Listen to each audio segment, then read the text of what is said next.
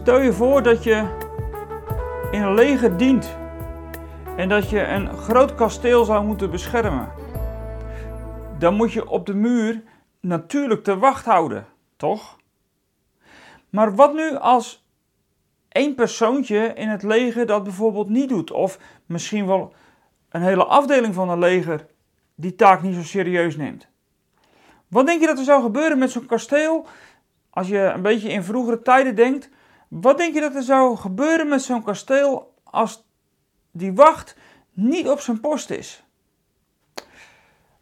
Nou, dat kun je wel raden. En wat dat te maken heeft met de volgende brief uit Openbaringen, dat zal ik je zo laten zien. Welkom bij weer een nieuwe video en een nieuwe podcast. En ik ben blij dat je er weer bij bent. Fijn dat je kijkt.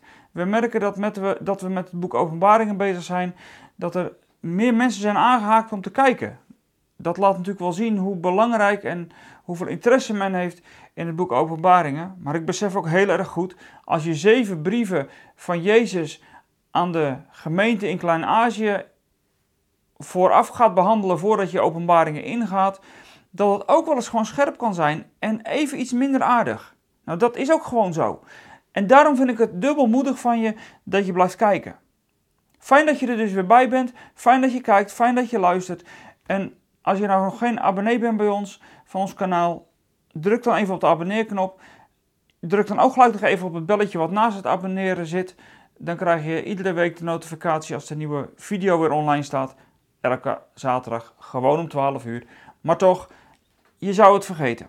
Nou, genoeg gezegd. We gaan de volgende brief in. De brief aan de gemeente in Sardis. En dat is een, een brief waar, denk ik, je zou moeten zeggen dat het over de gemeente gaat waar het er het allerslechtst voor staat. De woorden die Jezus gebruikt, die zijn keihard en scherp. Nou ja, keihard klinkt zo vreed. Dat klinkt alsof er geen liefde meer in zit. Dat is het natuurlijk wel. Maar de woorden zijn duidelijk. Hard en confronterend. U lijkt dat u leeft, maar u bent dood. En wat doe je met iets dat dood is? Nou, iets dat dood is, daar geef je de hoop voor op. Als we geliefden verliezen door de dood en iemand blaast zijn laatste adem uit, dan heb je er geen hoop meer voor. En wat doe je dan? Dan kun je nog maar één ding en dat is afscheid nemen. Dan verdwijnt het. Dat is verschrikkelijk als we, als we dat herkennen uit ons persoonlijk leven, als we mensen hebben moeten loslaten op deze manier, omdat de dood ertussen kwam. Maar dat is wel wat we met de dood doen. Als de dood binnenkomt, ja, dan, dan verliezen we de hoop en dan nemen we er afscheid van. Je zou dus bijna zeggen, als Jezus deze soort woorden gaat gebruiken aan de gemeente in Sardis, dat het moment dat Jezus afscheid wil nemen van die gemeente wel heel dichtbij is gekomen. Toch, als je de brief goed leest, en dat zullen we zo meteen doen, maar als je de brief zo meteen goed leest, dan lijkt het precies niet dat te zijn wat we vaak denken. Juist, Jezus wil geen afscheid nemen. Hij is juist eerlijk met deze gemeente, omdat hij maar één ding wil. Hij wil dat ook dit stukje van de kerk uiteindelijk overeind zal blijven. En ik ben wel eens bang dat dit wat hier in Sardis gebeurt, dat de buitenkant er mooi uitziet, maar dat het van binnen dood is, dat dat in de kerk wel eens verder binnengetrokken is dan dat wij vaak denken. Want die vijand is natuurlijk niet met een heleboel tamtam binnengekomen, maar die is gewoon geleidelijk binnengeslopen. Omdat de wachtposten er niet stonden. En dat we hem uiteindelijk niet buiten de deur hebben gehouden met zijn leugens, met zijn bedrog en met alles wat afwijkt van het woord van God. En misschien is de eerste wachtpost wel die we zijn kwijtgeraakt, is dat we de kennis hebben van het woord van God. Jezus zegt dat niet over de gemeente van Sardis, wat er nu precies de oorzaak van is, maar dit is wel het feit, de wachtposten hebben er niet gestaan. Maar dat ontdek je pas als je de geschiedenis van Sardis een klein beetje kent. Nou, ik ga er zo even iets meer over zeggen, maar om niet al te veel in woorden te spreken die je niet meer volgt, laten we die brief dan eerst gewoon even lezen. Want als we die brief lezen, dan weten we ook waar het over gaat. Openbaringen 3, vanaf het eerste vers. En schrijf aan de engel van de gemeente in Sardis, dit zegt hij, die de zeven geesten van God heeft en de zeven sterren. Ik ken uw werken en weet dat u de naam hebt dat u leeft, maar u bent dood. Wees waakzaam en versterk het overige dat dreigt te sterven, want ik heb uw werken niet vol bevonden voor God. Bedenk dan hoe u het hebt ontvangen en gehoord en houd vast en bekeert u. Als u dan niet waakzaam bent, zal ik bij u komen als een dief en u zult beslist niet weten op welk uur ik zal komen bij u. Maar u hebt ook in Sardis enkele personen die hun kleren niet bevlekt hebben. En zij zullen met mij wandelen in witte kleren, omdat zij het waard zijn. Wie overwint zal bekleed worden met witte kleren, en ik zal zijn naam beslist niet uitwissen uit het boek van het leven. Maar ik zal zijn naam beleiden voor mijn vader en voor zijn engelen. Wie oren heeft, laat hij horen wat de geest tegen de gemeente zegt. Tot zover dan weer. Je begrijpt deze woorden van Jezus pas als je weet wat er met Sardis aan de hand is geweest. Wees waakzaam, versterk het overige. Die woorden ook van, ik ken uw werken, u hebt een naam dat u leeft, maar u bent dood. Om dat te begrijpen moet je even naar de geschiedenis van Sardis. En daar zijn overleveringen over. En dat maakt duidelijk, en natuurlijk overleveringen, overleveringen dat blijft altijd wel een beetje kwetsbaar, want het is niet Gods woord, maar het laat wel een klein beetje zien wat Sardis nou voor een gemeente was. Sardis was eigenlijk een hele grote burcht. Dan begrijp je ook gelijk mijn intro van deze video. Het was een burcht. En deze mensen die in de burcht woonden, die waren in de vaste veronderstelling dat de burcht onneembaar was. Geen vijand zou deze burcht ooit kunnen innemen. Sardis was een burcht, daar was niet doorheen te komen. Dat kon je proberen als vijand, maar ze dachten, er komt geen vijand doorheen. En het geval wil dat de geschiedenisverhalen uit de overleveringen ons vertellen dat Sardis twee keer in handen van de vijand is gevallen, omdat er een wachtpost niet wakker was. En als je beseft dat dit het verhaal achter Sardis is, dan begrijp je ineens wat Jezus zegt tegen deze gemeente. Hij zegt dus tegen deze gemeente dat wat ze letterlijk hebben meegemaakt ook geestelijk aan de orde is. Letterlijk hebben ze meegemaakt dat de wachtposten niet wakker waren. Ze waren of niet op hun post, of ze waren niet wakker, of hoe dan ook. In ieder geval, de muur werd niet bewaakt. Terwijl dat ze de naam hadden dat dit een onneembare vesting was. Helaas. Dat wat ze dachten was niet waar. En precies geestelijk zegt Jezus dan dat wat jullie denken te zijn, jullie denken te leven, jullie denken dat er werken zijn waar God tevreden mee is, jullie denken dat dat er is, maar het is er niet. Uiteindelijk ligt de stad, ligt de gemeente, ligt de kerk op dit punt dus kwetsbaar open dat de vijand zomaar naar binnen kan. Dat is de boodschap die onder deze brief zit. Onder deze brief zit de boodschap dat je op je wachtpost moet blijven. En als je dat niet doet, dan verzaak je. Weet je nog hoe dat we begonnen aan de serie over de brieven uit Openbaringen?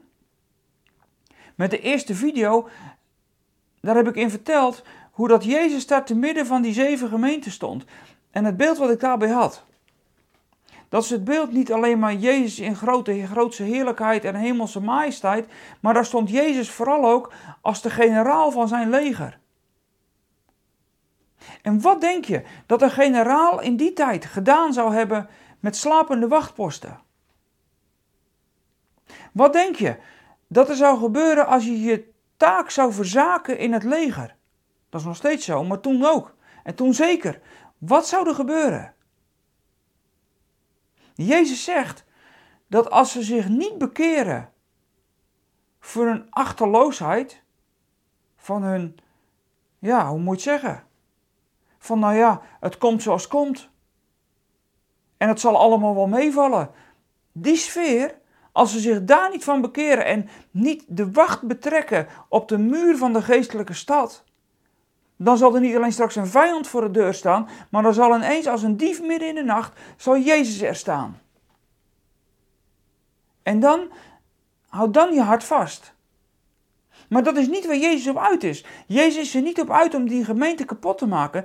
Jezus is er ook niet op uit om de kerk kapot te maken.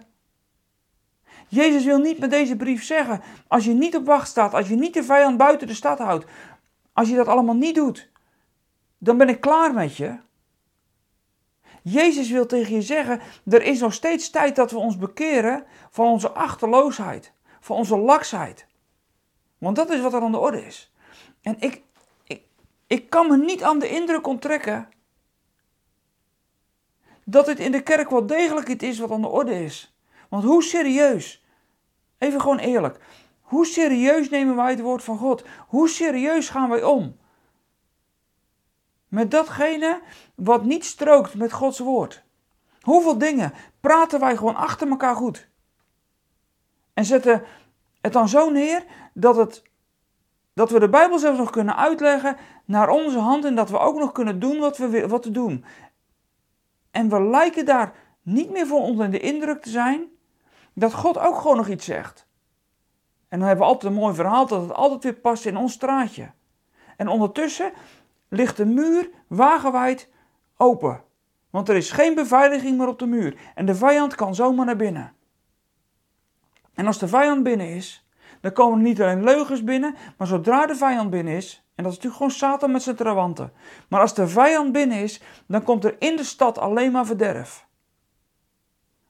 Als de vijand de kerk binnenkomt, met zijn leugens, dan wordt er niet alleen gelogen, dan is het niet alleen een kerk die ongehoorzaam is, maar dan is het verderf binnengekomen. En dat is de afbraak van de kerk. Dat is niet omdat Jezus de kerk wegneemt uit de maatschappij, maar het is omdat de kerk zichzelf buitenspel zet. Als we God en zijn woord niet serieus nemen en de vijand binnenlaten met leugens, dan breken we de kerk uiteindelijk af. Want dan is het verderf binnen en begint het rottingsproces van binnenuit. Niet omdat God oordelend naar een gemeente toekomt, maar omdat we hebben toegelaten dat het onwankelbare evangelie en het onwankelbare woord van God, omdat we toegelaten hebben dat dat zomaar aan de kant ging.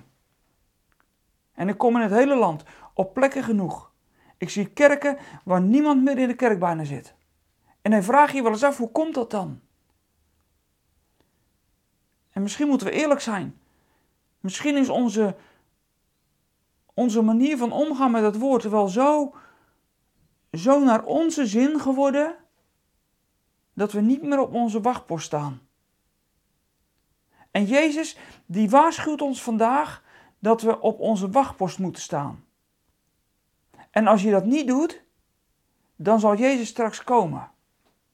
En dat is geen dreigement om er een eind aan te maken.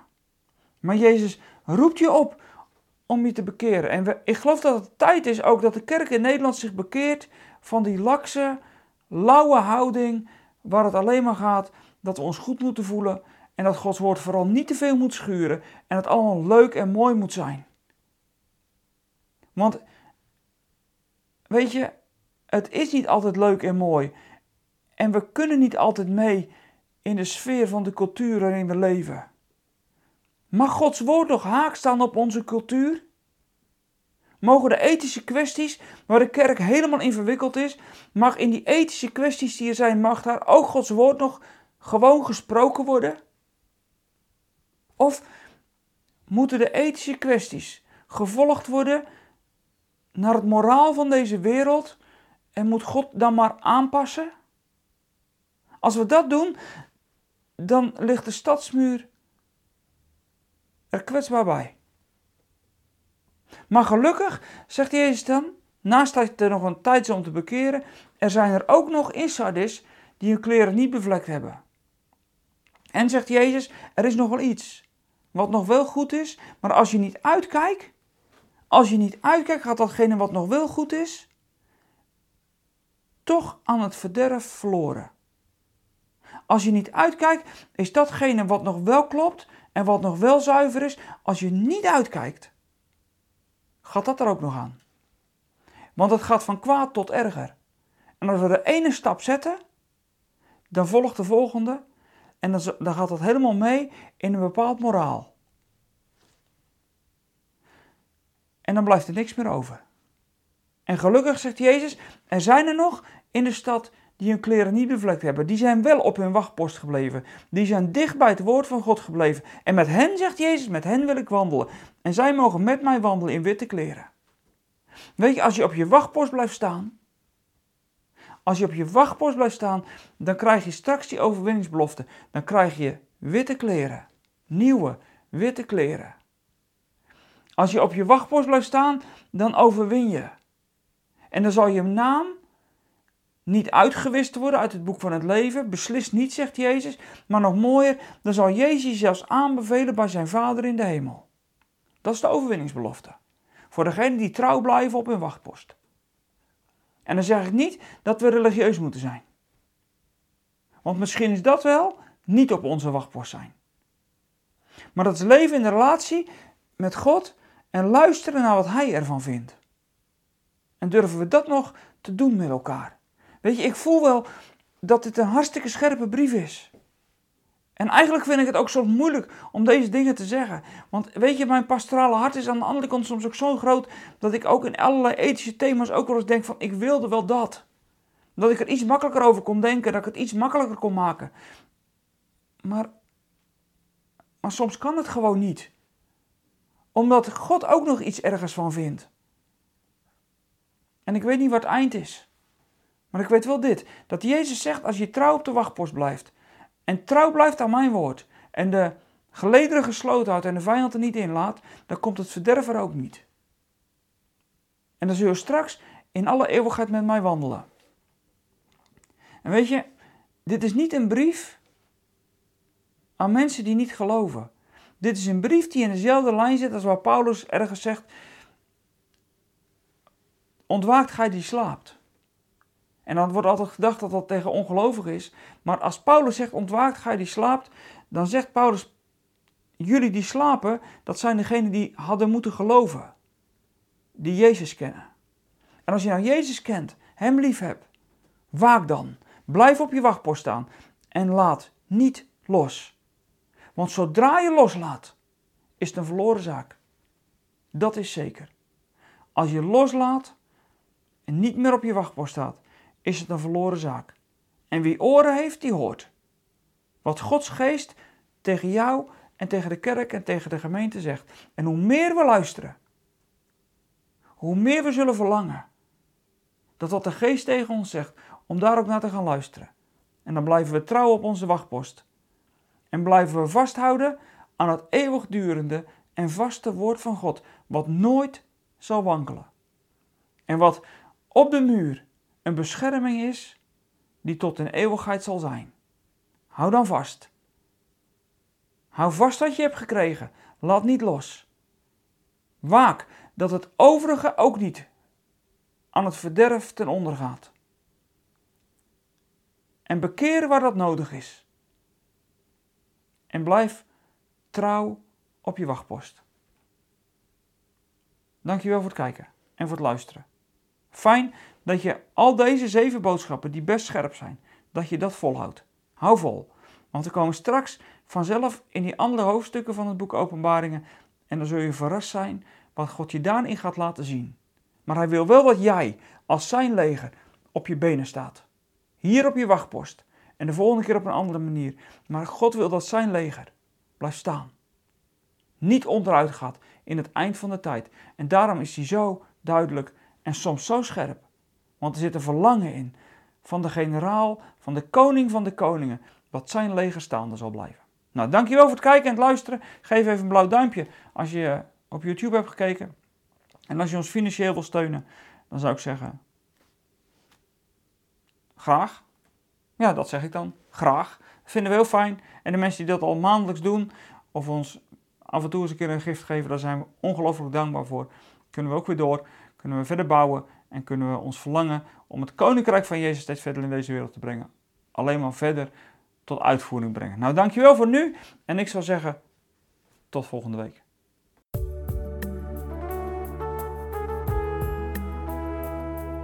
We zijn er weer aan het einde van deze podcast. Spreken deze podcast je aan en wil je ons met de gift ondersteunen? Kijk dan voor meer informatie op www.eindeloosgelukkig.nl slash podcast.